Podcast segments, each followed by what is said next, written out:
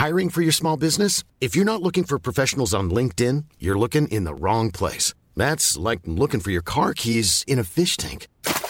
LinkedIn helps you hire professionals you can't find anywhere else, even those who aren't actively searching for a new job but might be open to the perfect role. In a given month, over 70% of LinkedIn users don't even visit other leading job sites. So start looking in the right place. With LinkedIn, you can hire professionals like a professional. Post your free job on linkedin.com slash people today. Burrow is a furniture company known for timeless design and thoughtful construction and free shipping. And that extends to their outdoor collection. Their outdoor furniture is built to withstand the elements, featuring rust-proof stainless steel hardware, weather-ready teak, and quick-dry foam cushions. For Memorial Day, get 15% off your Burrow purchase at burrow.com slash ACAST and up to 25% off outdoor. That's up to 25% off outdoor furniture at burrow.com slash ACAST. Wow. Nice. Yeah. What you're hearing are the sounds of people everywhere putting on Bombas socks, underwear, and t-shirts made from absurdly soft materials that feel like plush clouds. Yeah, that plush. And the best part? For every item you purchase, Bombas donates another to someone facing homelessness. Bombas. Big comfort for everyone. Go to bombas.com slash ACAST and use code ACAST for 20% off your first purchase. That's bombas.com slash ACAST. Code ACAST. Innan vi börjar dagens Macradio-avsnitt eh, vill vi bara på förhand be om ursäkt för att ljudet på Peter S.s mick blev lite dåligt i detta avsnitt. Vi eh, lovar att ordna detta till nästa vecka och önskar dig en trevlig lyssning.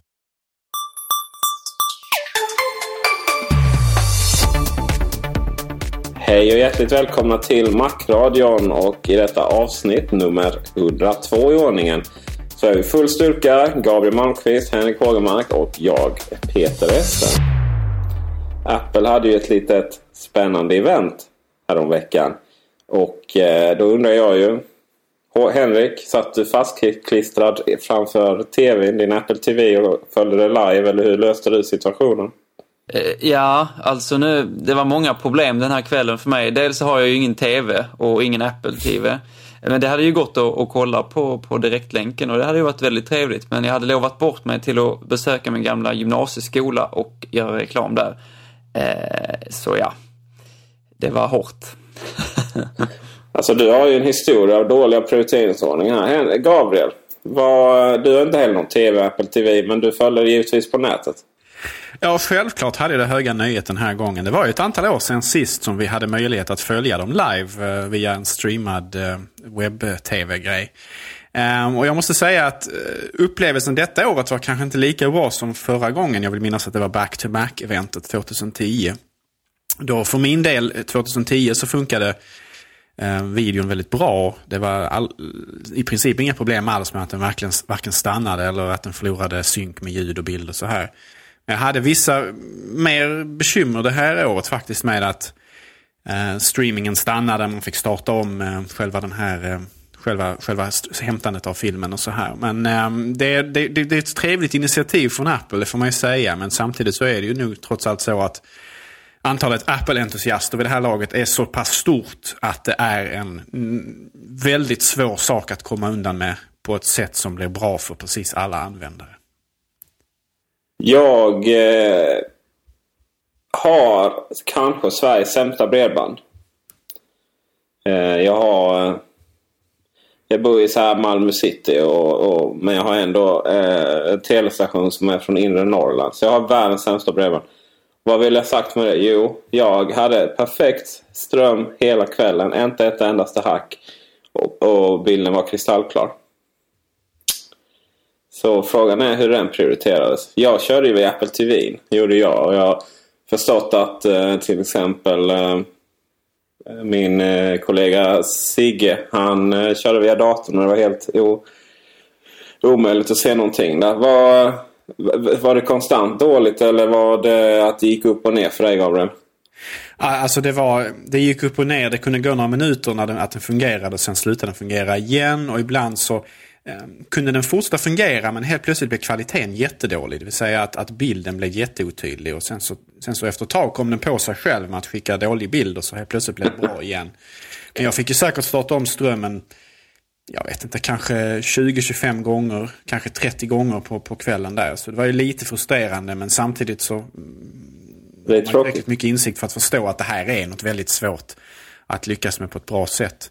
Eh, med tanke på hur många vi är som sitter världen över och faktiskt följer det här eventet. Det, det är lite kul att de kanske då, om vi kan dra slutsatsen att man kanske eventuellt prioriterade Apple TV framför eh, webbgränssnittet. Eh, nu vet inte jag om, de, om man kan göra det tekniskt sett, men om det nu är så så är det ju lite, lite, lite kul faktiskt. Och det skapar ju ett mervärde för de som har lagt ut de extra pengarna på den här lilla lådan som ju är, är trevligt för användarna. Henrik, hur tycker du man, vad ska man göra från Apples håll för att komma runt då det här problemet? Ja, det är ju det är jättesvårt att svara på såklart. Alltså, jag, jag förstår ju att det är ett tryck som är, är utöver det vanliga på många, många sätt. Men det, det är ju bara det som är svaret kan ju bara vara liksom att, att, äh, att, att investera i, i, i fler serverparker och allt vad det kan vara. Liksom. Det, men det är ju som sagt, det är ju, det är ju ett helt orimligt tryck på, på en väldigt, väldigt eh, ja, begränsad tid. Liksom. Så att det är inte konstigt att, att det blir så här. Men eh, man har ju också Eh, vad, i alla fall, vad jag minns i alla fall så har man ju eh, vid vissa tillfällen gjort det lite snävare eh, vilka som kan eh, åtnjuta liveströmningar. Så jag, jag, tror att det var så förra gången i alla fall. Jag vet ju inte den här gången igen för jag tyvärr inte kunde kolla på den. att eh, Eh, då var man tvungen att ha en, en Mac eller en, eller en iPad eller en iPhone med, eh, och Macen skulle ha Snow Leopard eller senare eller någonting sådant, va? vilket kanske inte var eh, så att alla hade då. Så att man, man har väl försökt att, jag vet inte om man har försökt att göra det lite snävare för att liksom ge, ge den trogna skaran möjlighet att, att njuta av det. Men eh, det är ju det är svårt också för vi är ju, vi är ju så otroligt många, vilket är trevligt, trogna eh, idag. Så att, eh, mm, det är inte helt lätt historiskt sett så har väl Apple, eh, man har ju faktiskt haft sådana här livesändningar även många år tillbaka i tiden. Men det var ju, det var ju bildfönstret stort ungefär som, en, eh, som ett frimärke. Och därför så var det ju kraven på något, även antalet människor som tittade på de här liveströmningarna mycket mindre.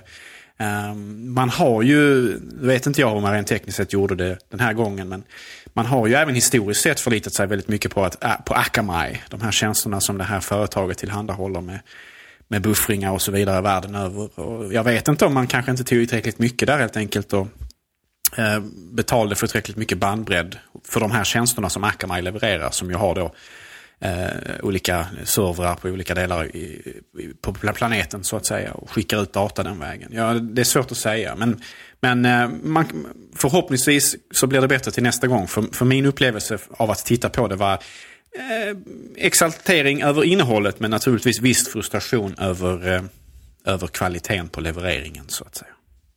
60 000 minns jag att de sa att det var där vid eh, var det 2002. Jag satt, jag precis köpt min första iBook och jag satt och följde introduktionen av 10.3 tror jag var presenterade och lite annat. Så då skröt Steve Jobs som att det var 60 000 som som tittade. Um, det var nog sista gången faktiskt som sände live. Fram till uh, iPod Mini körde man faktiskt live. Sen så gick det ytterligare, kan varit några gånger däremellan. Um, jag är inte helt säker på minnet där. Men sen därefter tog det slut någon gång tills Back to my Mac-eventet. Och då uh, jag vet inte om det var så eller om folk hade teorier om att de testkörde datacentret då.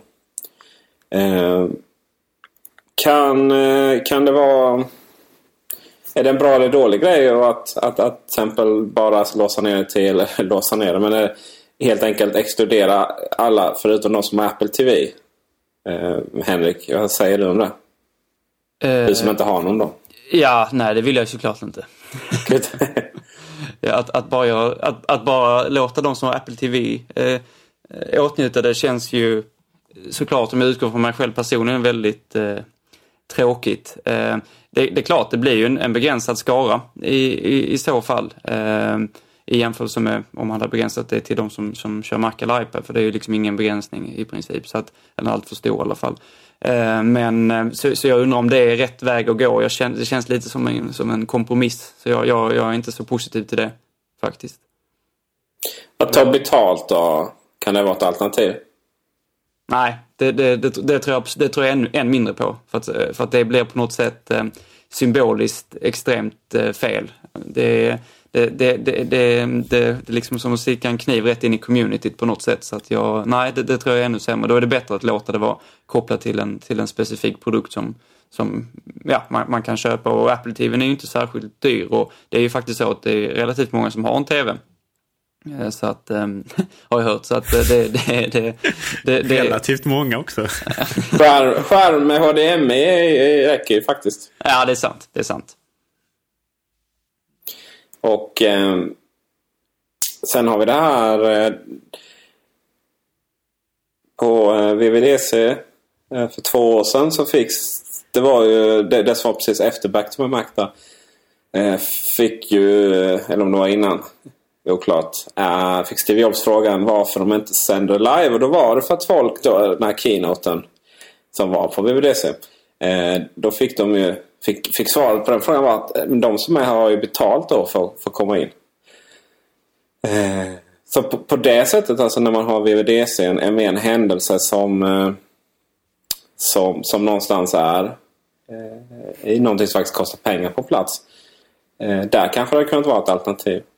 I, eh, sen är det också så att Apple har ju alltid haft livesändningar från deras event eh, internt då, till de olika kontoren.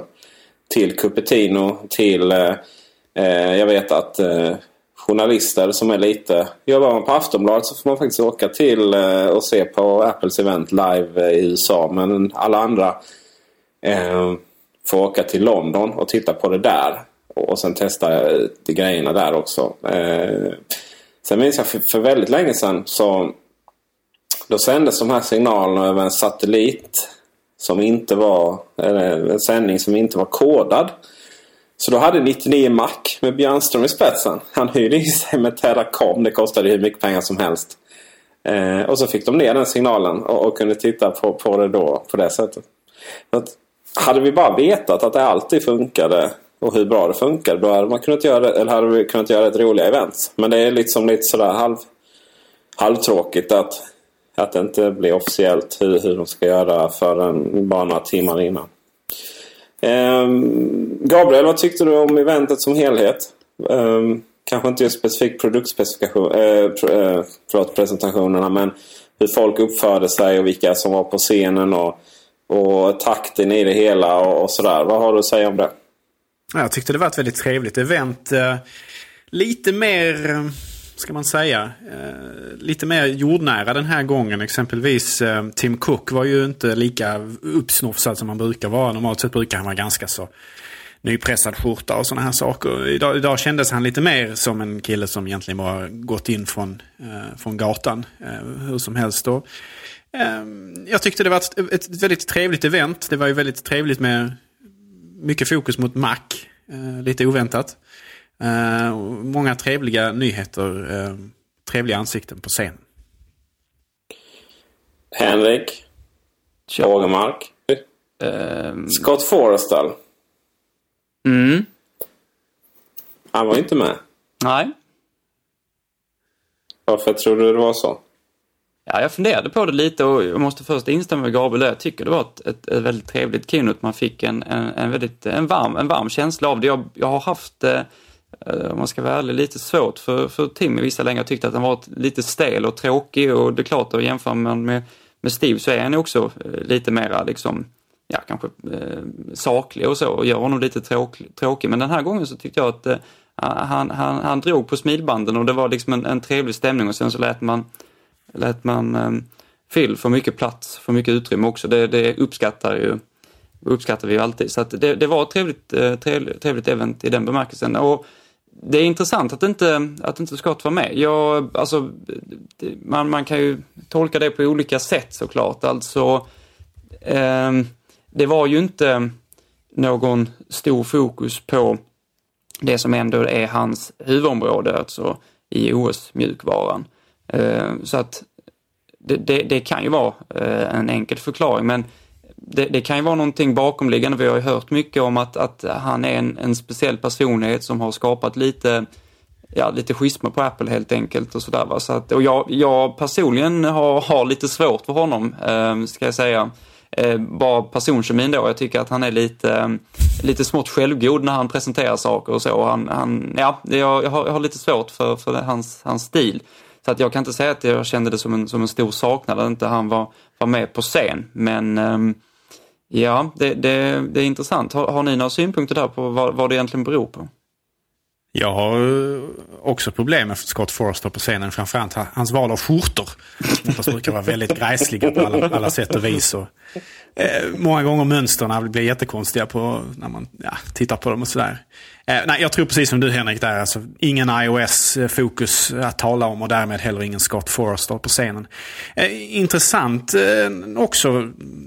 Ofta är det så att kameran då och då panorerar över publiken. Det kan vara lite intressant ibland att se vilka som sitter där ibland. Bland annat den här gången så kunde jag se vid flera tillfällen uh, Bertrand Surley. Det är alltså han som hade ansvar för utvecklingen av MacOS 10 tidigare. Den glada fransmannen som ju faktiskt har slutat på Apple vid det här laget. Och han var alltså tillbaka i publiken åtminstone. På hedersplats väldigt långt fram och satt där och tog del av det hela. Det var ju trevligt att se. Han har ju uppenbarligen lämnat Apple Eh, på ett sådant sätt som har eh, varit med, så att säga, på, på ett bra sätt. Och det var inga, inga, inga onda känslor där. Sen kunde man även se eh, Laureen Paul Jobs, alltså Steve Jobs änka, eh, var med på plats och, och satt och tog del av produkterna som presenterades. Och det var också, det var också trevligt att se. Henne har jag inte noterat tidigare i publiken, men det, det är möjligt att hon varit där utan att jag har sett det. Hon är väl en av Apples största ägare va? Ja, det stämmer genom, genom, genom då, eh, sin bort, bortgångne man så att säga. Absolut är det så. Produkterna således. Eh, när dessa presenterades var det inte, kändes det inte väldigt, väldigt stressat, genomstressat. Jag menar, om vi då ska börja med Macbook Pro Retina 13 tum det som kanske för något år sedan hade varit en liksom bomb i presentationsväg. Tog, det gick inte många minuter att, ta, att få presentera den. Det kändes, ju, det kändes ju lite grann som om väldigt många saker fick plats på den här scenen som kanske normalt sett hade bara uppdaterats i smyg. Exempelvis Mac Minin som ju är nästa punkt. Um, och därför så, precis som du säger Peter, det, det, var ju lite en känsla av att man, man rusade igenom allting. Men det, det har ju väl mycket att göra med, man, det finns ju ändå en viss begränsad tid man kan hålla ett sånt här event innan både folk som ska stå på scenen och folk som även sitter bland publiken tröttnar. Eh, och man hade ju uppenbarligen väldigt mycket att prata om den här gången. Eh, som jag var inne på tidigare, mycket markväg, eh, men även andra produkter som, som var väldigt spännande och till viss del också förvånande. Henrik, du har en, precis som jag, en Macbook Pro 15 Retina. Mm. Vad, vad har du att säga om 13-tummar som presenterades? Ja, alltså dels så kan man ju konstatera att man man har ju kanske från Apples sida två möjligheter där. Så för att det är ändå så som vi var inne på att många av de här produkterna hade man kunnat ha eh, en enkel upp, alltså uppdatering på på Apples hemsida. Eh, både Mac Mini och även Macbook Pro Retina 13 tycker jag, så den är inte särskilt revolutionerande när 15-tumman redan finns. Att det är bara en, en, en naturlig utveckling egentligen. Eh, men å, å andra sidan så gjorde man Eh, eller man, man, gjorde, man tog valet helt enkelt att, att, att helt enkelt visa det här på, på scen och jag uppskattar det ändå trots att det blir lite som du säger Peter, det var ju ett relativt kort event, eh, drygt en timme tror jag om jag inte minns fel eh, och väldigt, väldigt många produkter. Eh, så det är lite intressant att man ändå val, valde att nämna Mac Mini till exempel som aldrig har fått någon kärlek i princip. Så att det, jag, jag tycker ändå att man, man, kanske skulle valt att ha det något längre för det brukar faktiskt vara så att att, att eventet eh, var upp mot en, en och en halv timme tror jag i alla fall. Det var lite kortare än normalt men, men jag tycker gott att man kunde lagt lite mer tid på det. Men om jag ska välja på att det inte sägs någonting alls så tycker jag att detta är, är trevligare. Eh, sen när det gäller Macbook Pro Retina 13 så är det ju eh, på många sätt är det ju, var det ganska naturligt hur, hur, hur, eh, hur specifikationerna såg ut. Det finns dock några saker som jag är besviken över, eh, förutom de många aspekter som är väldigt positiva. Det är ju en fantastisk dator med en fantastisk skärm, precis så som 15-tummaren är. Men eh, det man kan nämna där är väl att den är relativt högt prissatt, högre än jag trodde att den skulle vara. Jag, jag trodde att den skulle kosta 1500 dollar i startpris istället för, för 1700 som, som det blev. Eh, så så det, där, där kände jag att eh, det, det är på något, på något sätt en besvikelse och det kommer att göra att den, den, den traditionella, om man så vill, Macbook Pro 13 kommer att leva kvar eh, längre än vad vi kanske både eh, tro, trodde och hoppades på. Eh, sen så finns det väl också lite saker att nämna när det gäller eh, Macbook, Macbook Pros ehm, eh, alltså, eh, ja, val, av, val av komponenter och sådär. Det är ju inte så kul med ett, med ett integrerat Intel-grafikkort när man ska driva den här högupplösta skärmen. Man, den blir ju, det blir ju dömt att misslyckas om man ska till exempel spela på den här eller så. Och en Pro-kund brukar ju vilja ha ett, eh, vilja ha ett riktigt, eh, riktigt grafikkort med, med ett eget grafikminne. Så det, det tyckte jag också var en stor besvikelse. Um, så det, det, var nog mina spontana uh, reaktioner på, på, på Retinan. Annars är det ju som sagt, det är, det är en fantastisk dator men, men där, finns, där finns lite, lite, lite specifikationsproblem och kanske även priset är inte helt, inte helt optimalt.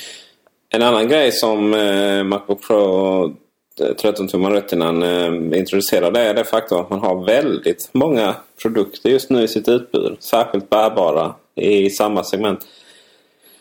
Hur länge tror du vanliga Macbook Pro eh, Eh, 15 och 13 överlever Gabriel? Uh, inte allt för länge förhoppningsvis. Det handlar väl egentligen bara om när de kan få ner prisen på Retina-modellerna. Alltså det är bara en tidsfråga. Jag hoppas att inom ett år så är de traditionella modellerna med SuperDrive och, och en, en, en, snurrande hårddisk och den, den liksom sämre skärmen borta. Uh, och att priset har gått ner på Retina-modellerna så pass mycket att de kan hamna åtminstone i samma prisområde. Om, om de kostar 100 dollar mer eh, per modell än vad den, så att säga, den äldre modellen gjorde. Det, det kanske man kan leva med. Men, men som det ser ut idag så är det ju alldeles för stor prisdiskrepans på en 15-tums Retina kontra en vanlig 15-tummare. Men kan man bara komma ner hyfsat i samma område så tror jag att många kunder eh, per, per, per definition väljer Retinan eh, eftersom skärmen är så pass mycket bättre. och det, det gör så pass mycket för upplevelsen att sitta vid datorn och att arbeta med datorn och sådär. Men ett år, kanske två, om vi, om vi är riktigt illa däran. Eh, det, det handlar egentligen om att få ner priset på komponenterna, framförallt på skärmen. Och då handlar det i slutändan om det rent tekniskt att kunna producera tillräckligt många till ett... Eh, alltså, det handlar om yield som det heter på engelska. Alltså hur, hur många skärmar man kan producera eh, utan att behöva kasta någon. Eh, och på de här Retina-modellerna så är det väl fortfarande det är relativt ny teknik. Man är relativt ovan med att producera dem i de här storlekarna. Ehm, vi har ju haft dem i, i, iPhone och liknande tidigare med de här väldigt högupplösta skärmarna. Men det, det, är så mycket mindre skärmar medan här nu då så är man ju uppe i 15 tum och håller på. Eh, så att det, jag skulle tro att vi kommer ha kvar de, de gamla modellerna med SuperDrive och liknande minst ett år framöver. Men jag hoppas att vi slipper dem om ett år om jag ska vara helt ärlig. Tror du vi kommer få en eh, Macbook igen? Eh, kanske en Macbook Pro där de 13 tum där de tar bort DVD-spelaren och eh, lite mindre minne och, och lite sunkigare processor och så har vi gamla Macbooken tillbaka.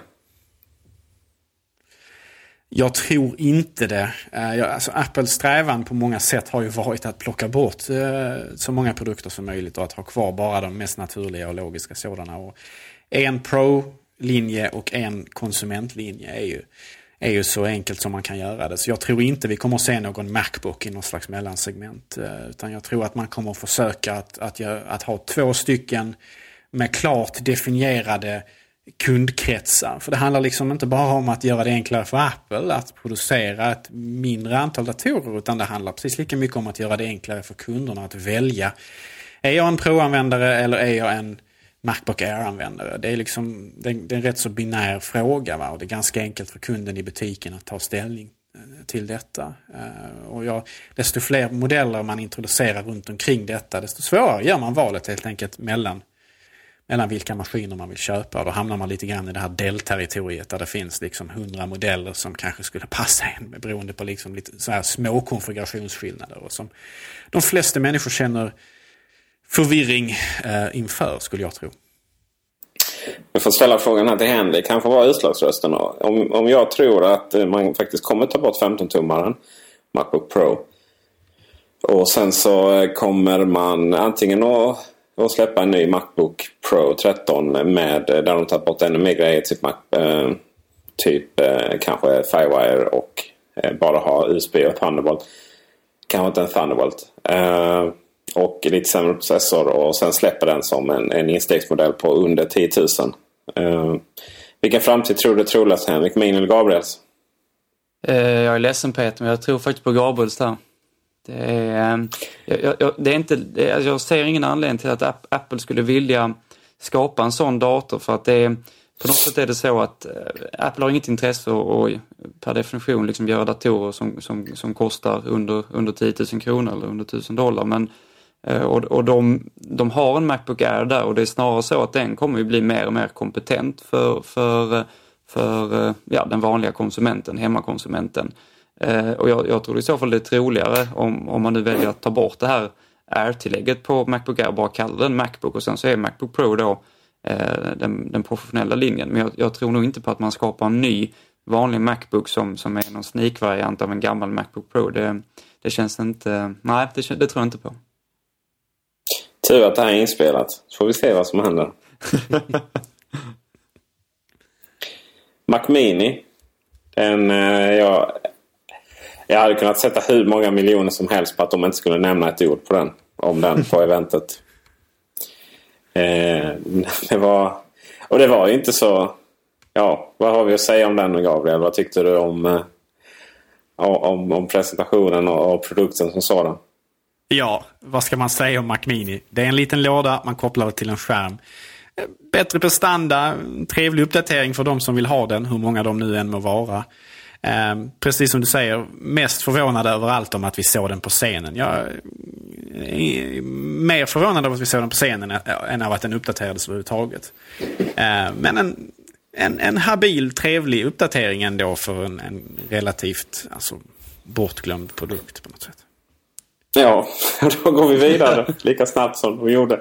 Det var fortfarande miljö superduper, dra ingenting typ. Producera ström i princip iMacen som är det som folk verkar ha tyckt varit mest intressant faktiskt. Eh, var, var Henrik, var du förvånad att den inte skulle släppas direkt? Ja, det var jag. Eh, det är aldrig optimalt att eh, skapa liksom eh, passager eller skapa liksom hål i, i, i eh, under, under en ganska relativt lång tid ändå där man inte har en, en stationär konsumentdator att erbjuda. Det, det är jättemärkligt verkligen och, och även hos oss återförsäljare så, så eh, börjar ju laget, lagen sina på, på den gamla iMacen och det är ju också väldigt mycket svårare att sälja eh, än den gamla iMacen nu när det har presenterats en ny. Så ja, jag, jag, är väldigt förvånad över det. Det är konstigt. Jag tror inte att det var planerat att göra så heller. Det måste ha blivit ja, någon, någon, någon typ av komplikation. Det, det känns inte rimligt eh, annars. Eh, så ja, det, det, det, det, det var en besvikelse tycker jag. Man får ju också sätta det här i, i, i samband med att vi har ju väntat på den här uppdateringen under väldigt lång tid. Eh, och, och, att man nu bara då kan presentera den på scenen men inte skeppa den ännu på en till två månader beroende på vilken modell. Det är ju något av ett misslyckande. Så det kommer man liksom inte komma ifrån. Och det, precis som Henrik var inne på, det drabbar Apple, det drabbar Apples kunder och det drabbar också tredjepartsåterförsäljare ganska hårt. För att under, under en längre tid här nu så kommer man inte ha någon eh, stationär dator att sälja till, till hemanvändare. Bortsett från Mac Mini då. Men det är alltså med den här Apple-integrationen som iMacen erbjuder. Eh, och det är ju väldigt problematiskt alltså. Det kommer man inte ifrån. Man kan ju annars alltid köpa en Mac Pro med 27 tums skärm. Den är ju väldigt prisvärd. jo, eller hur? Väldigt sannolikt också. Då får man ta yt ytterligare ett lån på huset. och så får man köpa den här gamla skärmen för i och med att inte den har Thunderbolt. Så det, ja, det verkar bra. här har vi en plan Henrik. Och så svetsar man ihop dem på något sätt. Liksom, Precis. Så att de sitter på baksidan av All in one. Just det. Snart är väl Mac Mini ikapp eh, Mac Pro om man, faktiskt. Mm. Det är ju, det är ju högst anmärkningsvärt. ja, det är riktigt fascinerande att man inte... Man, man hade ju kunnat uppdatera processorerna i alla fall. Men det är ju det är bara inga Intel. WhatsApp. Bara lyfta eh, röda luren, ja. Men däremot iMacen som sådan, alltså om man bortser från att de kommer att ha vissa problem att leverera det nu inom rimlig tid. Eh, så är ju alltså uppdateringen som sådan är jag ju väldigt nöjd med själv. Alltså det finns för och nackdelar med allt naturligtvis och här har man ju verkligen gått ett steg längre vad gäller att göra iMacen tunn. Åtminstone, menar, tittar man på sidorna så är den ju extremt tunn. Men sen så blir den ju lite tjockare in mot mitten. Men det är ändå en, en markant reducering av dess, dess storlek. Och då redan innan så kunde man ju tycka att den tidigare modellen av iMac var tunn. Och kändes inte på något sätt tjock, tjock och sådär. Va? Men, men nu så känns den ju eh, i jämförelse väldigt, eh, väldigt bulkig och sådär jämfört med den nya iMacen som jag har sidor som jag vet vad de sa, de 5 mm tjocka längst ut. Ja. På, på sidorna. Ja. Eh, väldigt, väldigt tunt. Alltså verkligen supertunt. Och då har man ju då kunnat göra tack vare att man plockat bort bland annat då SuperDrive enheten. Eh, man har flyttat bak SD-kortläsaren på baksidan istället och sådär. Och lyckats då verkligen med hjälp av ganska så avancerade tekniker för att sätta ihop de här materialen. Man till och med gjorde en viss rätt så stor grej det på scenen när man pratade om de här, eh, ja vad det nu hette, eh, teknikerna. Ehm, det ser ut att vara en väldigt trevlig maskin. Den har inte Retina, naturligtvis inte. Eh, det kommer vi nog få vänta ett år eller två på innan vi ser i iMacen. Men den har fått väldigt eh, schysst uppdatering inombords ändå tycker jag. Med, med schysst, schyssta processorer. Um, man kan stoppa i rätt så mycket internminne i dem vid det här laget, 32 gigabyte. Um, och Eh, naturligtvis alla modellerna så vitt jag kan se har fått eh, diskret grafikkort. Det är någonting som jag tycker är bra. Det vill säga att man förlitar sig inte bara på Intels integrerade grafikkretsar eh, utan eh, att man faktiskt har stoppat ett, ett, ett fysiskt grafikkort i den som ska driva de här stora skärmarna. Det är verkligen välkommet. Och speciellt om man tittar på den stora 27-tummaren. Det finns en en extra super mega modell som man kan beställa där med det snabbaste grafikkortet. Eh, då är det faktiskt ett riktigt, riktigt snabbt mobilt grafikkort ska jag säga. Så alla komponenter man stoppar i iMac tenderar ju att vara mobila sådana. Avsedda för laptops. Men man har stoppat i ett grafikkort här baserat på Kepler-arkitekturen ifrån Nvidia som är faktiskt riktigt, riktigt bra. Och du kan få det med upp till 2 GB VRAM. Eh, så att det är faktiskt en eh, väldigt kompetent liten dator även för spel och sådär, 27-tummaren, när man köper den med det, det största grafikkortet. Så det, det är från, ur mitt perspektiv en väldigt välkommen förändring. Eh, tekniken heter Friction Stir Welding. Eh, och, det var väl eh, allt vi hade att säga om den. och eh, den eh, finns en artikel på Automacca om hur det där går till. Okej, okay. trevligt. Trevligt. Det är iMacen och en och annan rymd färdigare. Um,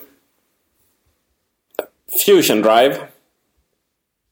Vad de hittar på.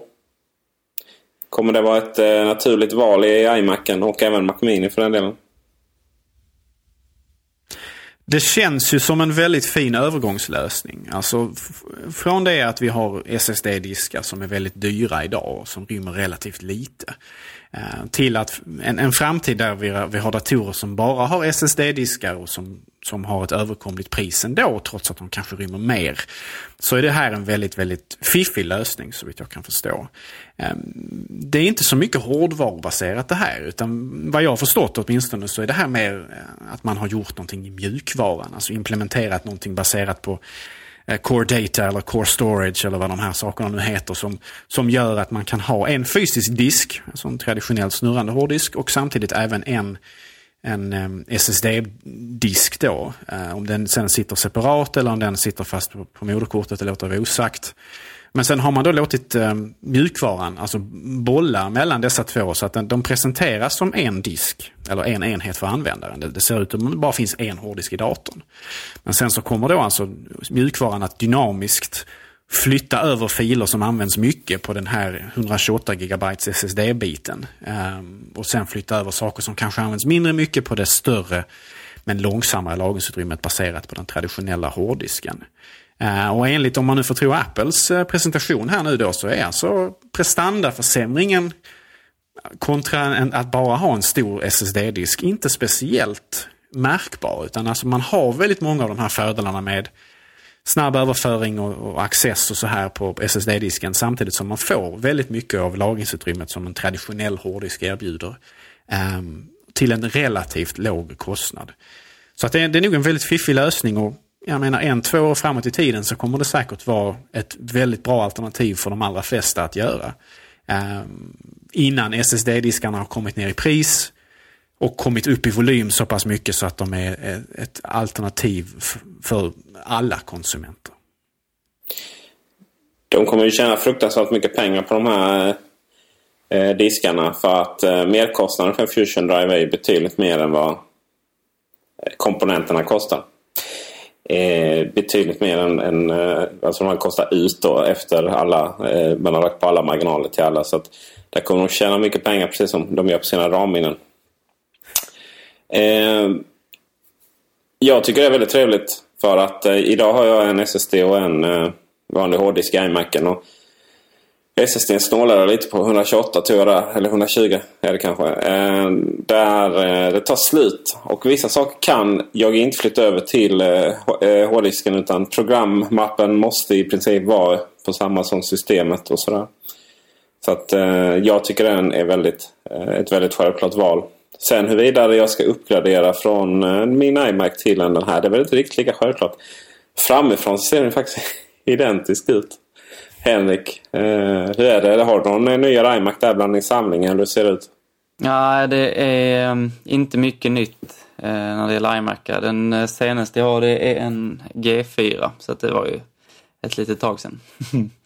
Men eh, ja, när, när det gäller iMacen så, så eh, eh, om man ska uppgradera eller ej, det är såklart beroende på vad man har för behov, vad man har för krav och så, men det är såklart inte någon revolutionerande prestandaskjuts man får utan den är ju så, så, som man kanske hade väntat sig. Sen är ju kanske designen och, och sådär, det var ju kanske mer, eh, mer än vad folk hade, hade, hade hoppats på. Det är väldigt positivt tycker jag också att man har gjort sig av med den här eh, optiska enheten och man har gjort den tunnare och så.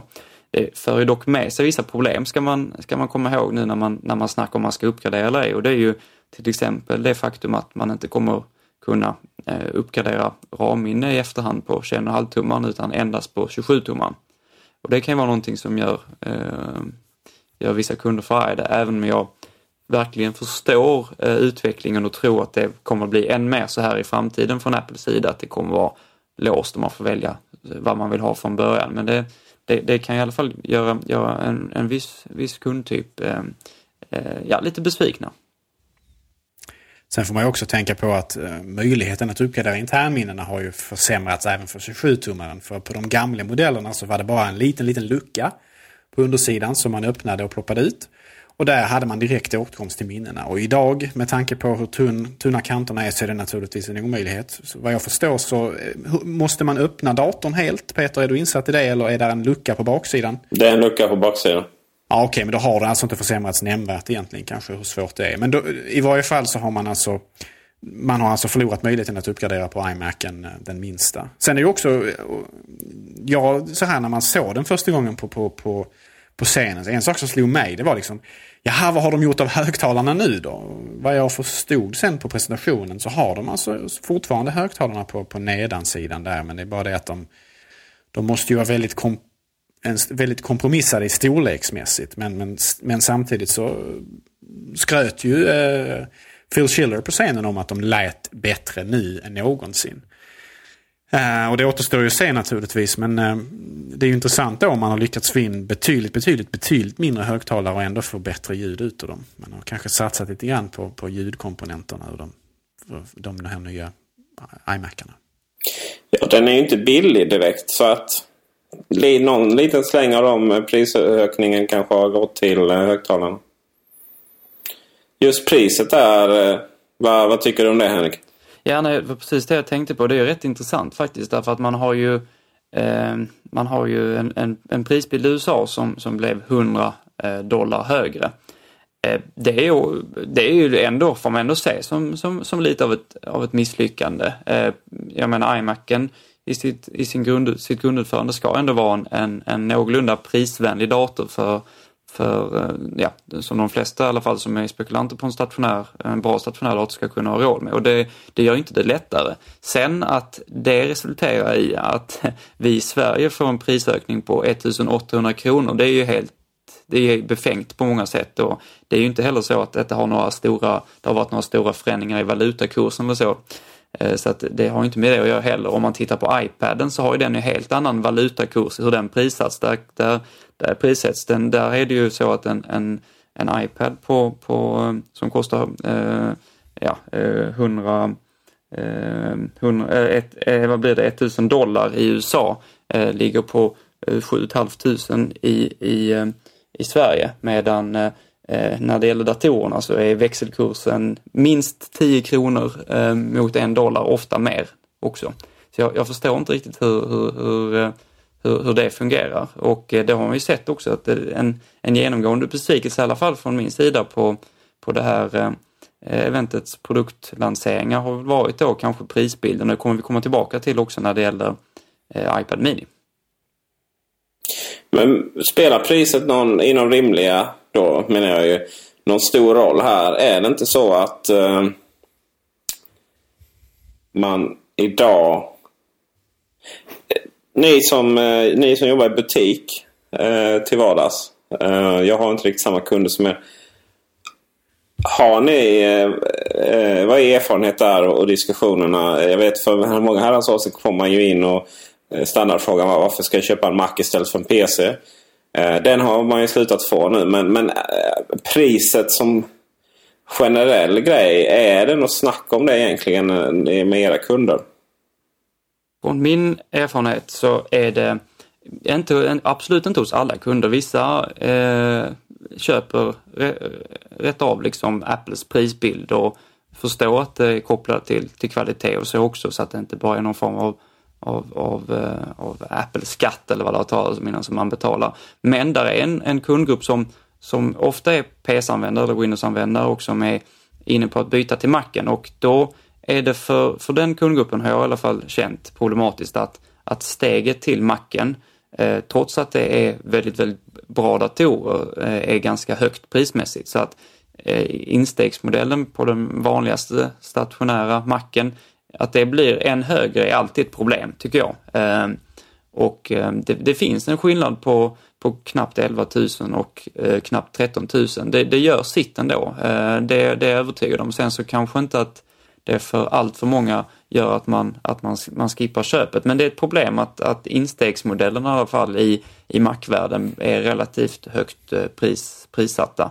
Och, jag, och man har också, det kan också vara ett problem för iMac som sådan, för iMacen har ju alltid varit Eh, prissatt på, på ett sätt som ändå har, i alla fall har varit ganska, ganska attraktivt. Och vad jag har för mig i alla fall så, så har eh, iMac-priset ofta legat lite under vad, vad det kommer göra nu med den nya modellen, även om det, det har ofta varit eh, eh över 10 000 kronor i Sverige. Så lite av ett problem är det, det, det tycker jag. Kan ju till viss del också vara någon slags reflektion från, från Apples sida om att man tror att man kommer att ha svårt att kunna leverera jättemånga iMacar det här, det här eh, under kanske en, en längre tid, låt säga ett halvår eller sådär. För att, eh, vad vi ser här nu med iMacen som presenterades i, i, i, dagarna och sen så kommer att en till två månader innan vi överhuvudtaget ser dem i butik. Ja, det, man kanske från Apples sida helt enkelt förväntar sig komplikationer längs med produktionslinjen. Det är ju det här med att man har gjort skärmen så mycket tunnare och man har eh, liksom satt på, eh, man ska säga, själva displayen på glaset och så här. Att, att, att man kanske förväntar sig problem där helt enkelt. Både att få fram tillräckligt många men också att prisen på dem kanske helt enkelt blir högre. Och att man därmed så sätter ett högre pris på iMacen för att man vet om att de man kommer att kunna producera kommer man också att kunna sälja och då är det bättre att tjäna mer per enhet än att än att få ett dåligt kvartalsavslut nästa gång man ska ha ett sådant rent eh, krasst, rent eh, företagsekonomiskt så att säga.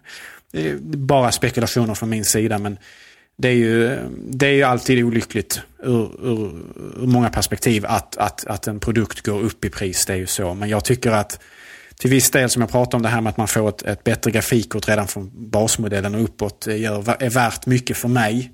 Uh, och, och, den här ännu nyare och slå, ännu mer slående designen gör ju att man särskiljer sig ännu mer uh, ifrån eventuella jämförelser mot PC mot PC-världen. Uh, eh, nu har inte jag sett den här nya iMacen på riktigt naturligtvis, liksom som ingen annan här har. Men vad man har sett på bilderna här nu så är det ju en fantastiskt vacker sak. Och den här nyare skärmen Hiring for your small business? If you're not looking for professionals on LinkedIn, you're looking in the wrong place. That's like looking for your car keys in a fish tank. LinkedIn helps you hire professionals you can't find anywhere else, even those who aren't actively searching for a new job but might be open to the perfect role. In a given month, over 70% of LinkedIn users don't even visit other leading job sites. So start looking in the right place. With LinkedIn, you can hire professionals like a professional. Post your free job on linkedin.com slash people today. Burrow is a furniture company known for timeless design and thoughtful construction and free shipping, and that extends to their outdoor collection. Their outdoor furniture is built to withstand the elements, featuring rust-proof stainless steel hardware, weather-ready teak, and quick-dry foam cushions. For Memorial Day, get 15% off your Burrow purchase at burrow.com slash ACAST and up to 25% off outdoor. That's up to 25% off outdoor furniture at burrow.com slash ACAST. Since 2013, Bombas has donated over 100 million socks, underwear, and t-shirts to those facing homelessness. If we counted those on air, this ad would last over 1,157 days. But if we counted the time it takes to make a donation possible, it would take just a few clicks. Because every time you make a purchase, Bombas donates an item to someone who needs it. Go to bombas.com slash ACAST and use code ACAST for 20% off your first purchase. That's bombas.com slash ACAST, code ACAST.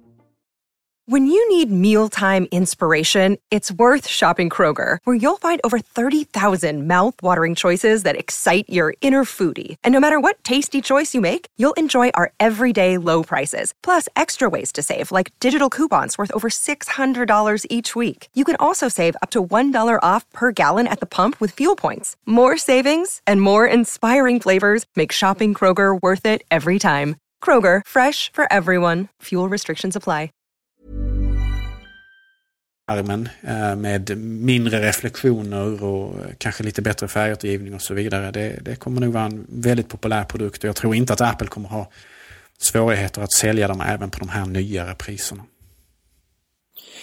Formen då, eh, den är tunnare, den är ju fantastiskt vacker från sidan och sådär. Men framifrån så den ser ju faktiskt exakt likadan ut.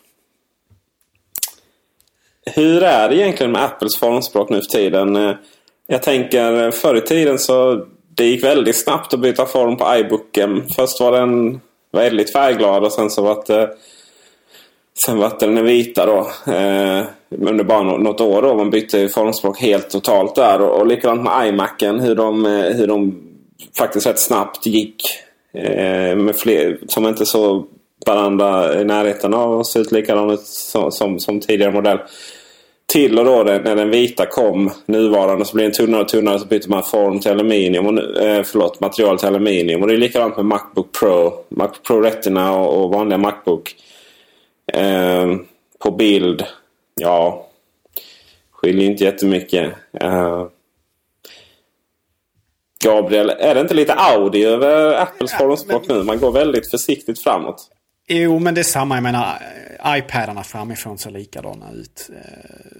Eh, I, eh, iPhone framifrån ser relativt likadan ut. Nu, alltså nu har den ju förändrats storleksmässigt så där ser man ju skillnader. Men alltså formspråket framåt är mer eller mindre eh, spikat nu på de här maskinerna. De är, eh, ja, det är ju hemskt att stå här och förutspå inga förändringar. Men, men på något sätt har man, har man renodlat, renodlat iMac så till en milda grad nu att det är en, ehm, en, en, en självklar och naturlig design. Och då har man kanske inte lika mycket mer att spela med på framsidan vad gäller att utveckla utseendet. Det skulle vara att plocka bort den så kallade hakan då, men det har man väl inte utrymme till för att få plats med komponenter och sådana saker. Och den, eh, rent estetiskt så skapar den en viss balans i själva designen om man har möjlighet att sätta på sin lilla logotyp där och så. så att, jag tycker att iMac framifrån, visst den ser ju relativt, den är ju likadan som förra modellen framifrån. Men, men man har ju använt baksidan då mer som en eh, som eh, ett, ett, ett, att leka sig fram till något nytt, va? en ny form,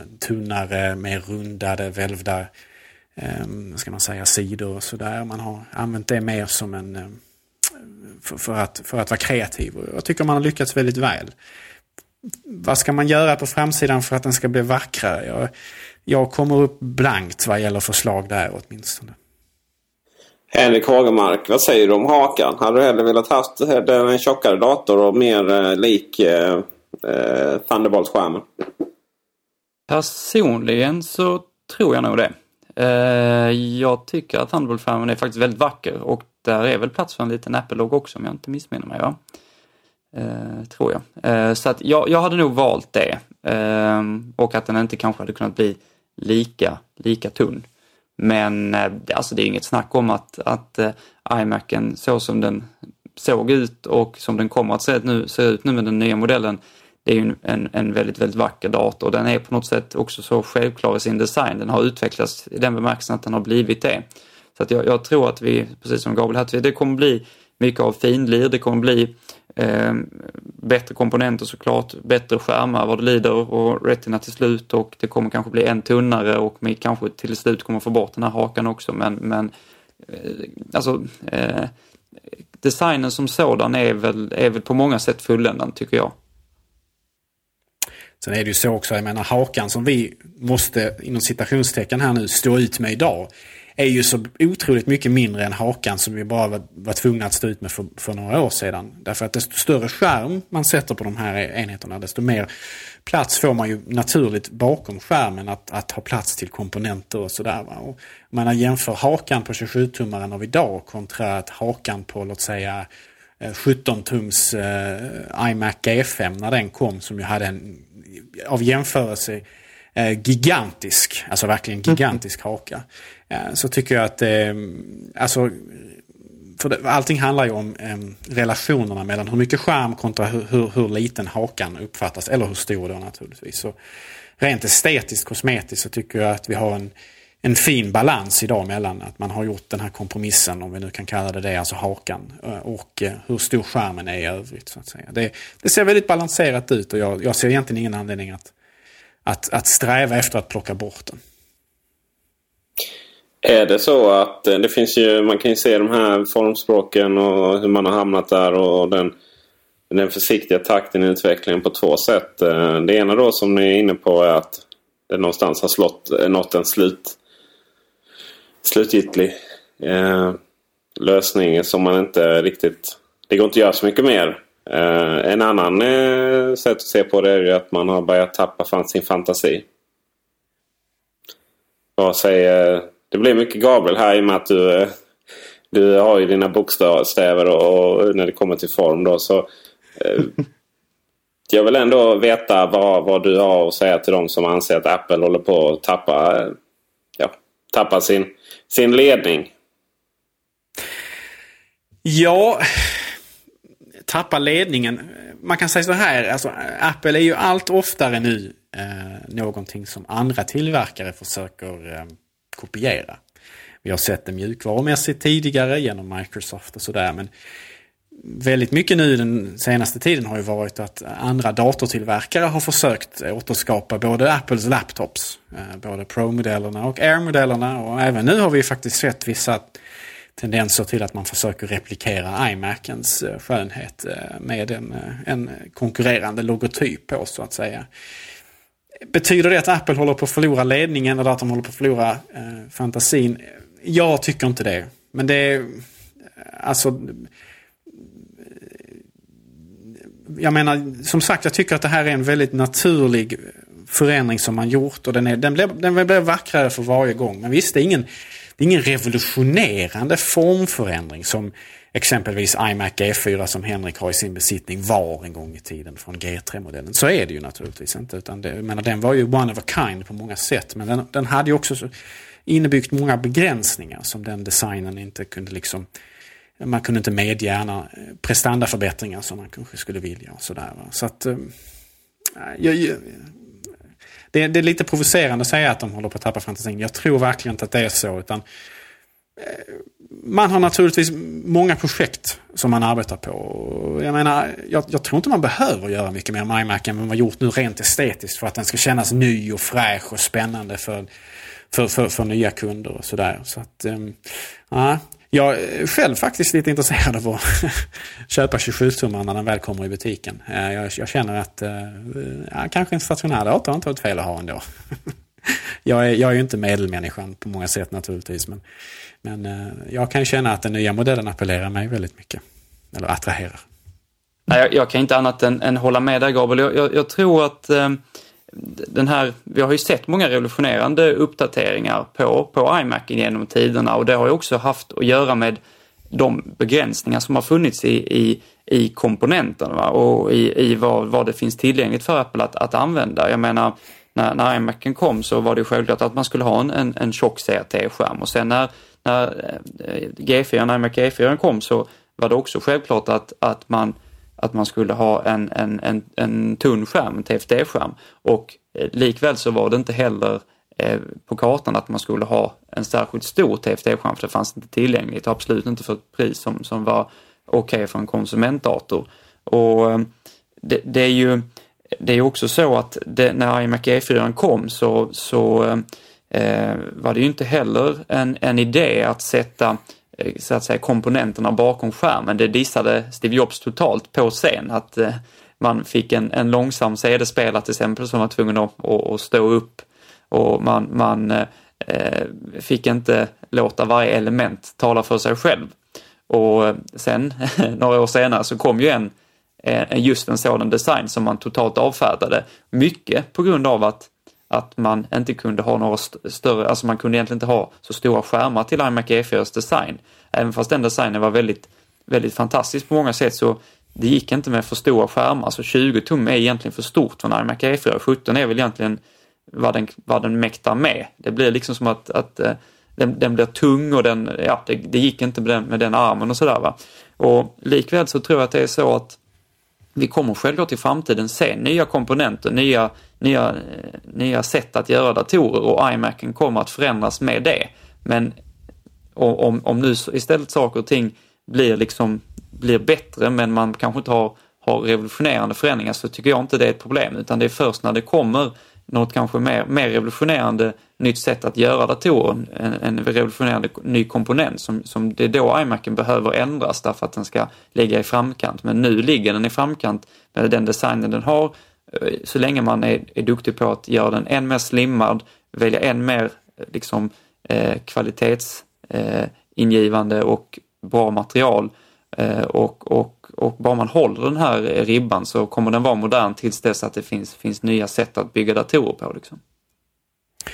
Och jag menar Apple genom sin eh, ständiga eh, vilja att plocka bort eh, komponenter som har tjänat, sin, tjänat ut sin, sin, sitt behov, alltså exempelvis superdriven, genom att plocka bort vissa andra saker kommer ju att ligga i framkant vad gäller att kunna utnyttja de här framtida möjligheterna vad gäller att utveckla revolutionerande datorer. Jag menar det, det säljs ju fortfarande idag laptops ifrån Dell och liknande företag som har VGA-portar. Men herregud, liksom. sen var det inte VGA-standarden var relevant överhuvudtaget i världen. Så att det där det här, är, det här är lite samma dårar du citerar Peter som de som påstår att, att iPhone 5 eh, liksom inte var en revolutionerande uppdatering. Alltså det, det, det, vad förväntar de här människorna sig? Liksom? Att, att den ska utveckla vingar och förmågan att flyga. Det här är fantastiska datorer, jättetrevliga uppdateringar. Kommer säkerligen att säljas som smör även med de här eh, nya högre priserna. Ja, personligen, jag förstår den här kritiken faktiskt. Uh, jag håller inte med. Jag håller med er. Men det är exakt samma diskussion inom bilvärlden. Där liksom industridesignen någonstans har tagit helt två olika Eh, håll. Det ena är att, att man satsar på... Och, eh, ja, alla försöker efterlikna varandra där också. Men det, det ena är liksom att man verkligen svänger ut formmässigt och de nya bilarna eh, ser helt eh, maximalt annorlunda ut än tidigare. Volvo är ett sånt exempel till exempel med, med de nya modellerna. Eh, tyskarna är helt annorlunda eh, och har fått mycket kritik för det. Att Vissa tycker att Audi kan man inte köpa för att alla, alla ser exakt likadana ut. Det är bara olika längd på dem i princip. Och likadant BMW där. Man, uppdateringarna är inte så revolutionerande. Och jag tror att man någonstans när det kommer till form hittar det som är någon form. Man kommer liksom aldrig hitta den ultimata eh, formen så. Alltså det går alltid att utveckla lite. Men, men jag kände ju att, att iPhone 4 till exempel var väldigt mycket den. Och Det är därför jag gillar 5 väldigt mycket. Att det är någon form av Eh, förlängning av den. Och, och samma sak eh, på iMacen där. Men jag, just på iMacen så hoppas jag väldigt hårt att man kommer att eh, också, precis som Henrik, ta bort, eh, göra den mindre den här hakan. Jag... Eh, även jag har ju mina problem faktiskt eh, eh, psykiskt. Så eh, jag kan ju, vill ju till exempel jobba med två skärmar helst. Eh, kanske tre också. Men eh, jag har eh, svårt estetiskt att sätta en bärbar dator jämte en skärm, en, en, en Thunderbolt-skärm. Eh, dels blir det mycket kablar. Eh, även om det är betydligt mindre än till, till andra skärmar. Och dels eh, är det, mm, vad ska man säga, helheten blir inte, det blir liksom inte en form så, en, en, en enhet. Och eh, det är faktiskt så, så patetiskt sjukt så att jag, jag kan inte ha en iMac och en, eh, en eh, extern Thunderbolt-skärm. Just på grund av att det, det av samma anledning där. Det blir faktiskt ännu värre så. Utan då är alternativet att ha tre skärmar då med en iMac i mitten och, och en eh, skärm vid sidan om. Men då helt plötsligt så är ju frågan om inte jag får skaffa licens för att, att leda flygplan då. Så, så som det ser ut på det skrivbordet. eh, så därför hoppas jag väldigt mycket på att, att eh, eh, Thunderbolt-skärmarna och iMacarna faktiskt går ihop eh, till slut. Och kanske bli eh, en och samma enhet. Tills dess får jag väl helt enkelt bli tillräckligt rik för att ha råd att köpa en iMac 27 tum och använda som extern skärm bara, till en annan iMac. Um, sån är jag. Alla har vi våra issues. Somliga mer än andra. Uppenbarligen.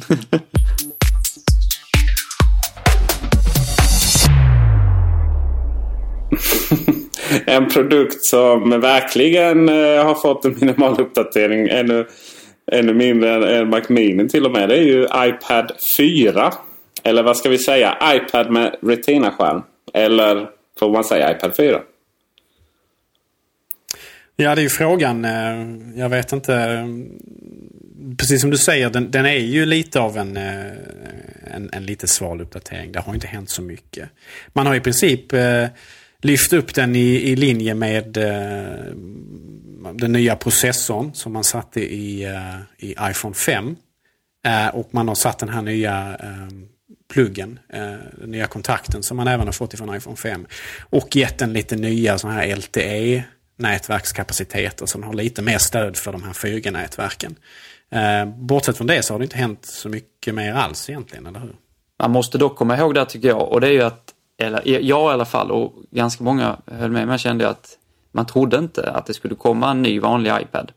Och jag trodde personligen kanske att man skulle bara sätta dit den där, i det tysta sätta dit vår nya kontakt och att sedan behålla den som, som den var. Det var ju väldigt kort, sida, eh, kort tid sedan som, som eh, iPad generation 3 eh, lanserades ändå. Det brukar inte vara en ny iPad mer än en gång per år, eh, cirka vad vi har kunnat se hittills. Och det säger, tycker jag, en hel del om att, att Apple är väldigt mån om den här produkten, att den ska ligga i, i, i, i framkant när det gäller just prestandan och så. För att det är ju fortfarande en, en fantastisk iPad. Även om inte denna fick så många uppdateringar så fick den ju en, en starkare processor och därmed också starkare grafikprocessor, den här nya kontakten. Så att det är ändå en, en väldigt rimlig uppdatering och det är en väldigt uppdatering över förväntan med tanke på hur, hur kort tid det har gått, känner jag i alla fall. Processorn var ju faktiskt inte den samma som med iPhone 5 utan den var ju faktiskt bättre. Ja, ja det är den här X-modellen. Jag vet inte hur mycket bättre den är dock. Hur, eh, hur står den sig? Jag vet inte om du har koll på det Henrik? Eh, faktiskt inte. Eh, jag noterade också att, att det var en, en snabbare version än den som sitter i iPhone 5. Jag, jag vet inte vad som skiljer dem åt faktiskt. Grafikchippet är väl som annorlunda på den och den ska visst vara markant snabbare. Eh, har ju rätt mycket med att driva då med fler, fler pixlar. Eh, nu är det ju, snacka om förvirring. Jag vet tidigare så var det ju folk som, som kanske ibland misstog då man skulle jämföra priser så eh, så, så, inte helt, helt konstigt så, så eh, fick man ibland eh, höra att ja men de tar så mycket för en iPad 2 då som ju måste vara nyare än iPad. Eh, och så var det ju inte såklart. Och eh, nu så är det ju eh, och det var de som, som, som man pratade med. Sen har vi alla de som, som inte jag pratade med och redde ut det liksom, och köpte iPad 2 i det tron att den var att den var nyare än, än iPad. Um, nu finns det iPad 2 som produkt. Och det finns väldigt många nya iPad, eller iPad 3 uh, eh, kvar. Och så finns det då iPad med Retina-skärm. Och uh, många, på många sätt och vis så heter ju iPad 3 uh, nya iPaden. Även på många uh, produktspecifikationer sådär. Uh, snacka om att det är en förvirring i klass med ett operativsystem från, från Microsoft där. Ja, det är onekligen lite inelegant. Så mycket kan man väl konstatera. Det skapar en hel del förvirring faktiskt. Det blir ju konstigt nu också, alltså för att det var ändå så att i folkmun så blev det ju iPad 2 och iPad 3. Det var så i alla fall jag. Jag brukar i alla fall säga generation 3 till när jag pratar med, med kunder hos oss och så. Nu blir det ju iPad 4 och iPad 2.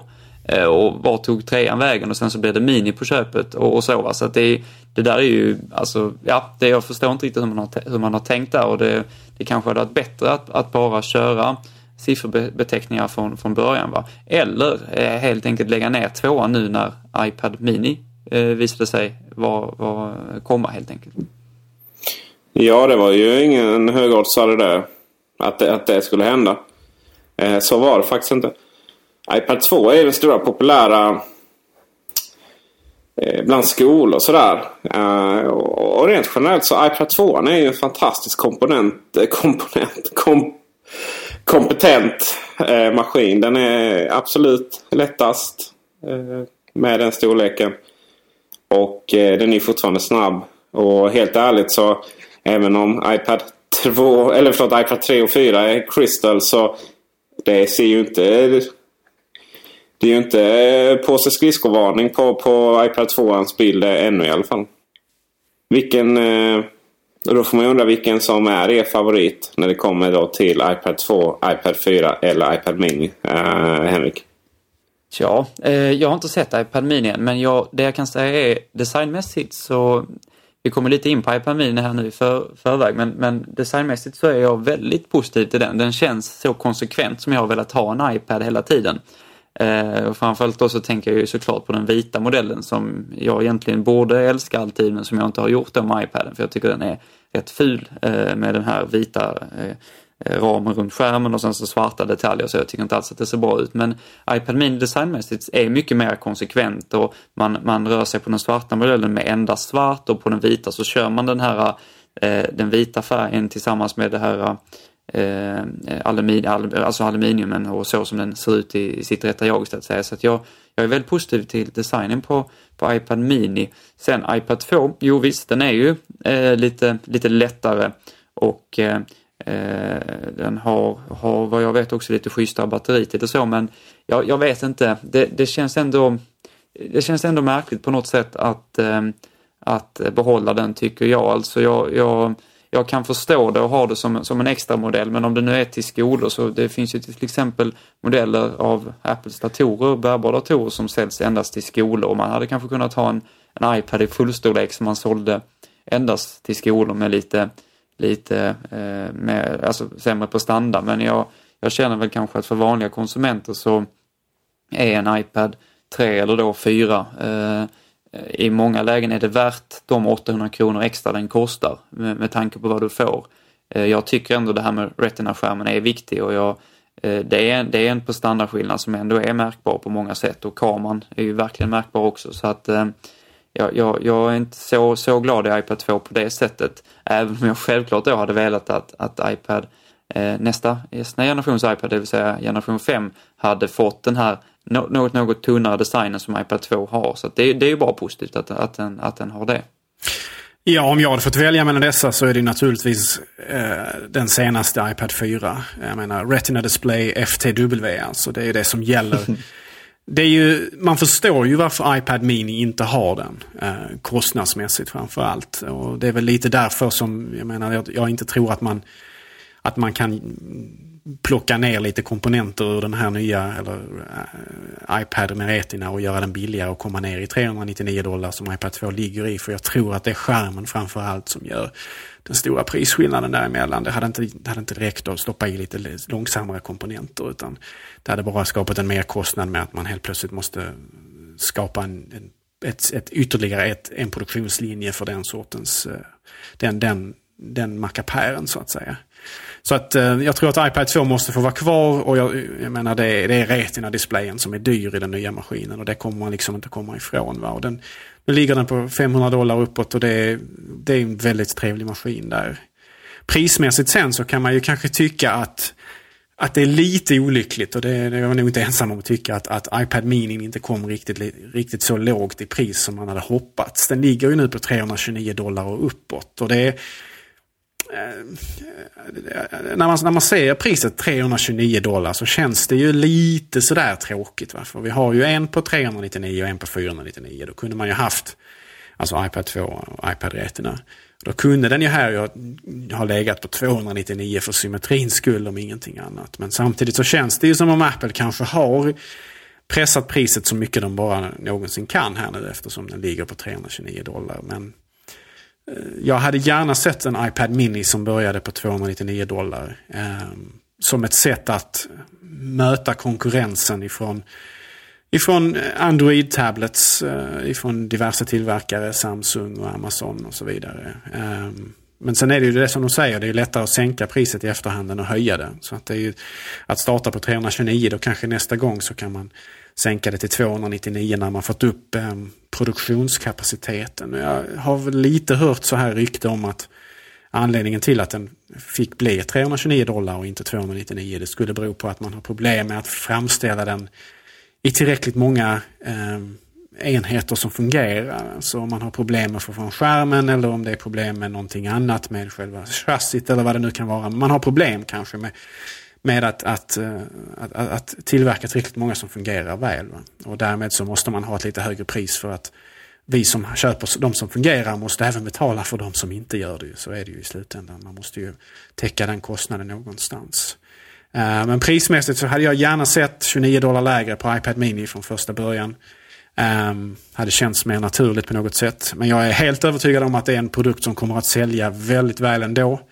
Jag tror inte att eh, initiellt att, eh, att eh, försäljningssiffrorna kommer att påverkas negativt av det här högre priset.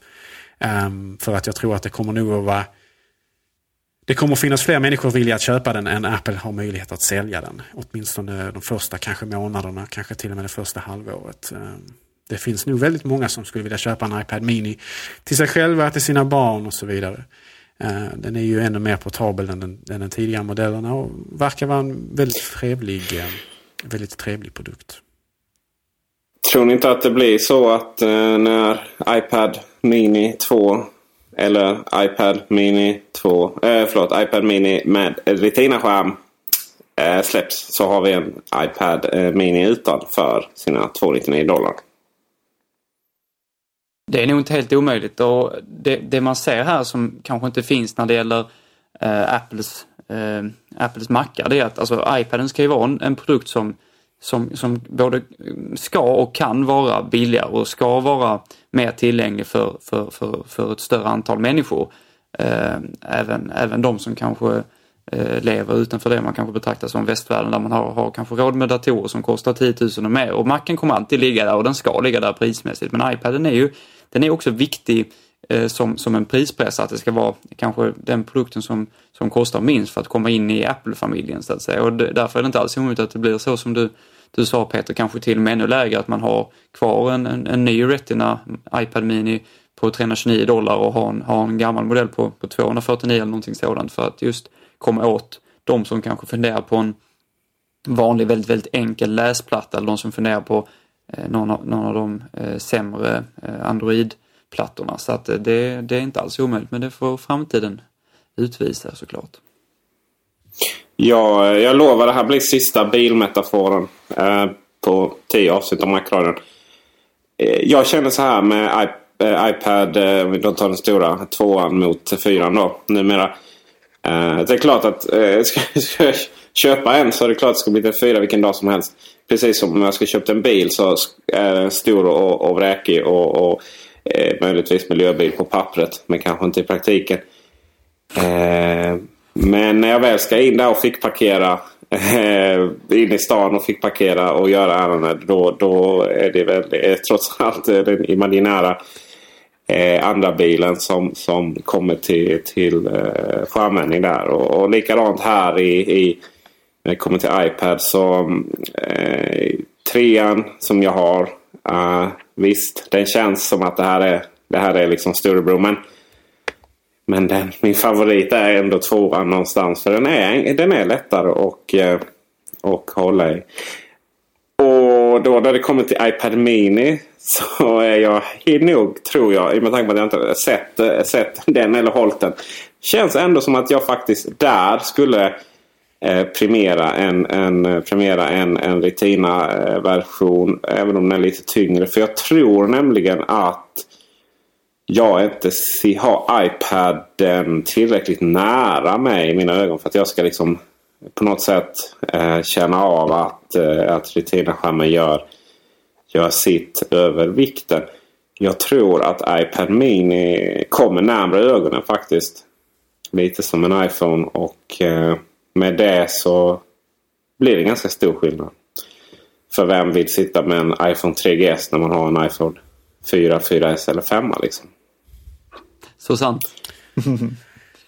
En annan intressant aspekt kring det här med, med, med, med den rent estetiska då, det är ju att den här nya iPaden har ju lånat lite eh, av eh, estetiken ifrån den nya iPhone 5.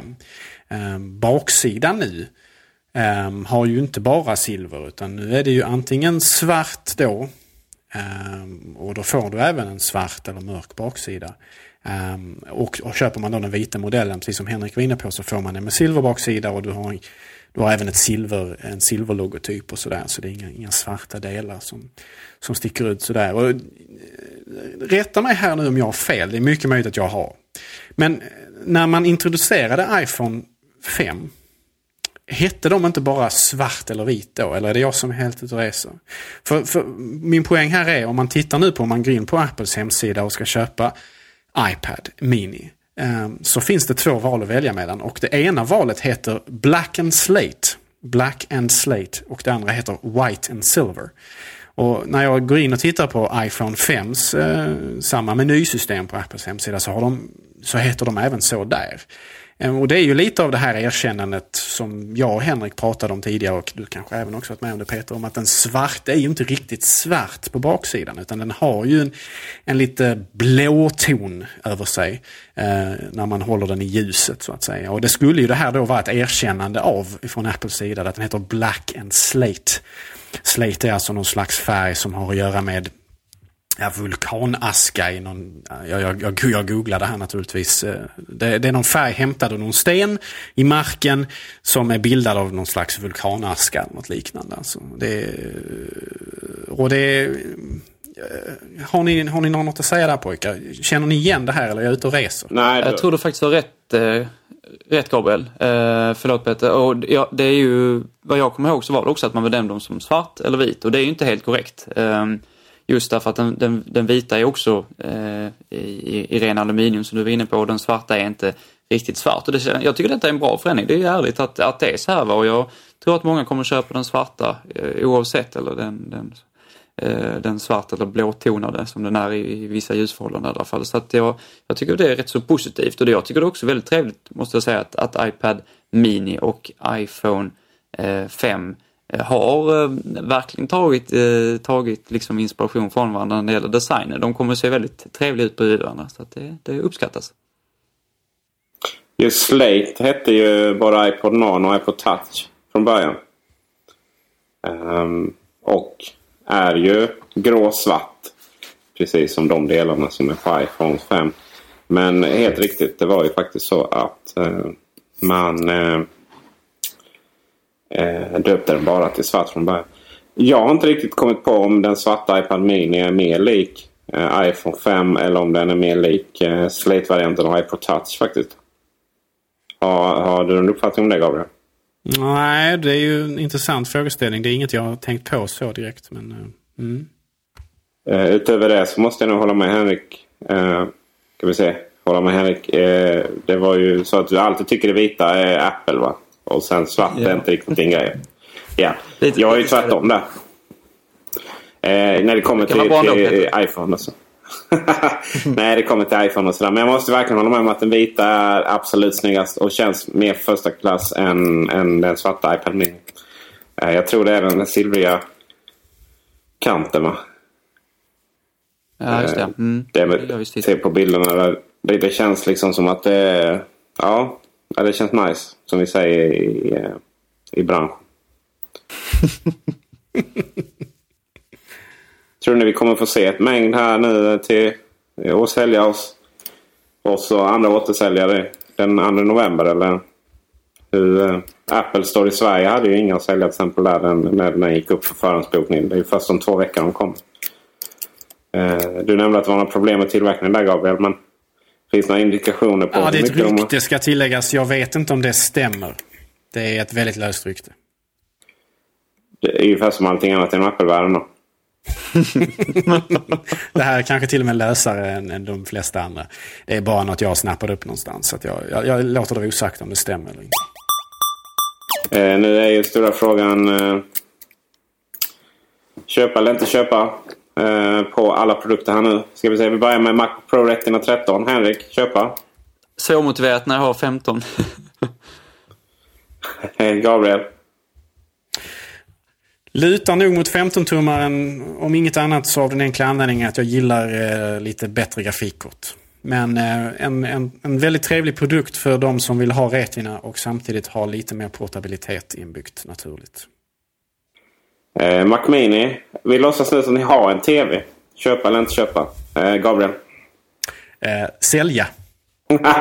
Henrik. TVn då alltså. ja, det får ju bli samma svar. Det är helt otroligt bra. iMac. Eh, Henrik. Eh, Kommer bli en ny sen G4. Ja, det känns... Alltså nu har jag ju inte... Vi får se om jag kanske jobbar häcken om mig i sommar så kanske det går. Men det, det, det, det, den känns köpa. Det gör den. Gabriel. Ja du, köpa 27-tummaren med det nya Kepler-grafikkortet 680 MX och 2 GB VRAM. Ja tack jultomten säger jag. är det Half-Life som hägrar eller? det är Gabriels lilla lik i garderoben det. Sin eh, PC med Half-Life installerat. Jag har en PC men eh, jag vet inte om jag spelar så mycket Half-Life på det direkt. Men, eh, Eller Counter-Strike, menar för, Det spelar ingen roll, Gabriel. Detta är illa oavsett alltså. Ja, det är väldigt illa oavsett. Det, är- det, är dessutom med här, det är helt den Den är, otroligt. den är svart som döden. Ja, Vi är så jävla står Peter och omogna jag. på det här stället alltså. uh, iPad 4, köpa eller inte köpa Henrik? Eh, inte köpa. Ja, jag har trean och den, den, den räcker väl. Ja, iPad-lösa Gabriel. Nej, du har ettan va? Ja, eh, min far har ettan för tillfället. Eh, han Okej. eh, fick mer eller mindre ta över den för en ringa summa pengar.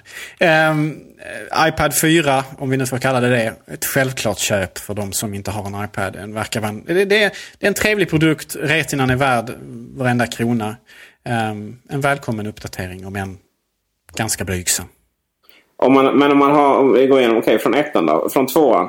Är det en uppgradering värd? Har man bara tvåan, absolut, för att då har du inte retina-skärmen. Har du däremot iPad 3, det vill säga den som precis har diskontinuerats efter sju månader, så tycker jag inte det är värt att uppgradera. Du får ju egentligen en lite snabbare modell naturligtvis och kanske lite bättre stöd för eh, ja, 4G, om det nu är av relevans för oss här i Sverige, det vet jag tusan. Men inte värt att uppgradera från den till, till den nya då, så att säga. iPad Mini. köpa eller inte köpa Henrik? Alltså för mig personligen som har iPhone 5 numera, eh, vilket vi tackar Gud för, och eh, eh, en iPad i generation 3 så är det inte köpa. Men ehm, eh, jag ser, ser stor potential i den och hade jag inte haft en iPad idag så kanske jag hade kunnat tänka mig en Mini. Men jag hade nog krävt att eh, det skulle vara en, en, Retina-skärm. Så i dagsläget inte köpa. Herr Malmqvist. Samma sak där för mig. Ehm, behöver Retina för att vara riktigt intressant för mig. Men eh, det är en produkt som kommer att sälja väl och som kommer att attrahera väldigt många människor. Jag förstår. När det kommer till Macbook Pro 13 tum, absolut köpa på den eh, om jag inte hade haft 15 tumman idag. Eh, jag tycker 15 tumman är alldeles för stor. Mac Mini. Har en i källaren. Eh, agerar server. Har Apple TV till TVn. Eh, den ger ju inte tillräckligt stor, stor grej för att uppdatera. iMac. Köpa självklart. Varför ställer jag ens frågan? Med Fusion Drive eller utan? Med Fusion Drive. Eh, och eh, fetare grafikkort och 2 GB ram. Eh, VRAM, förlåt. Och eh, ska nog biffa in 32 GB ram i den också. Här. Bara för att, Peter. Skönt, det låter billigt. ja, vi har bra, eh, bra priser på Kullander. I Kullander Jansson. Oh, nu kommer granskningsnämnden här. Mm, eh, Då får du fakturera våra kära, kära chefer. ja, precis. Det, det var vi och Percy här nere. Ja, precis. Två backar läsk, tack. Uh, iPad, nej. Uh, absolut inte. Um, det är en fantastiskt fin, uh, fin produkt. men jag har en iPad 2 på, på väggen i köket. Och det är snarare så då att jag skulle byta ut min iPad 3 mot en iPad Mini i soffan. jag skulle också vilja ha en iPad Mini i, i bilen med GPS.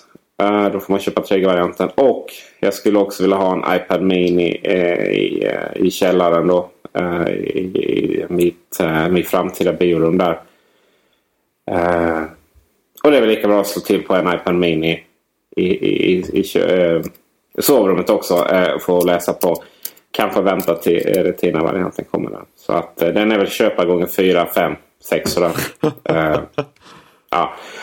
Den, den, jag har iPad har varit för mig en, en, eh, en produkt som jag har haft lite eh, issues med faktiskt. Eh, jag köpte ettan direkt och givetvis i Automax namn utan att använda den. Ehm, det är lite som, jag vet inte. Jag lånade ut den faktiskt. Till, till, den är med i Bron. För säsong 1 där. Och den var utlånad nästan ett halvår vet jag. Och jag saknade den. den var när jag inte hade den. Men när jag väl fick tillbaka den så, så var den ju kul så liksom. Men eh, i köket så fungerar den faktiskt riktigt bra. Vi, vi har den där för att spela Spotify, Sveriges Radio, skriva upp handlingslista, googla upp recept och sådär. Eh, men när det kommer till att använda dem eh, så är det faktiskt så att jag föredrar formatet som iPad Mini är på. Tror jag. Jag har inte haft den i eh, lite vill inte ha några elaka kommentarer här nu. Jag vet ju vad som händer när vi pratar om produkter vi inte har hållit i. Men eh, jag tror att formatet kommer vara väldigt, väldigt eh, anpassat efter Peter Essen.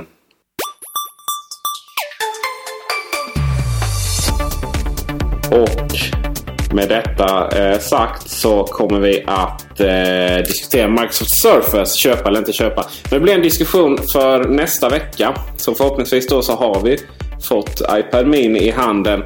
Och vi kommer också diskutera huruvida det och huruvida Microsoft kommer att överleva. Um, och det känns väldigt bra att komma tillbaka till makrons ursprung. 50% Apple, 50% Microsoft. Ha det bra och ha en trevlig fortsatt vecka. Och eh, det här avsnittet blev lite härligt långt så ni, ni, ni eh, eh, får antingen eh, skälla på oss eller hylla oss på grund av det. Eh, det är alltid bra att veta eh, hur ni ser på sådana saker här. Kommentera gärna. Gabriel Henrik, tack för ikväll. Eh, Didier Fabbe, tack för att du finns. Att det blir avsnitt även av detta. Ha det bra. Hej hej.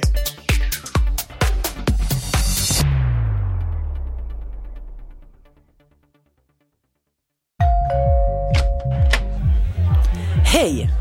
Är det dags för företagsevent, födelsedagsfest eller kanske ett bröllop? DJ Fabbe fixar musiken så att du kan tänka på annat.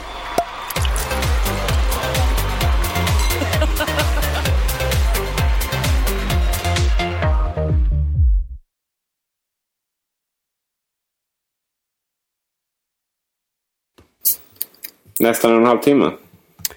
Jag tror jag håller på att svimma nu. Ja, och... Eh, Det är nice. eh, mm, det är nice. Får vi se om min, eh, min, min kära fru är vaken här. Nu när jag prioriterar det framför henne. Ja, du får gå in och ligga till där lite grann så, eh, så ses, vi, ses vi när vi ses. Ja, gud. Lycka till. Eh, Detta projekt.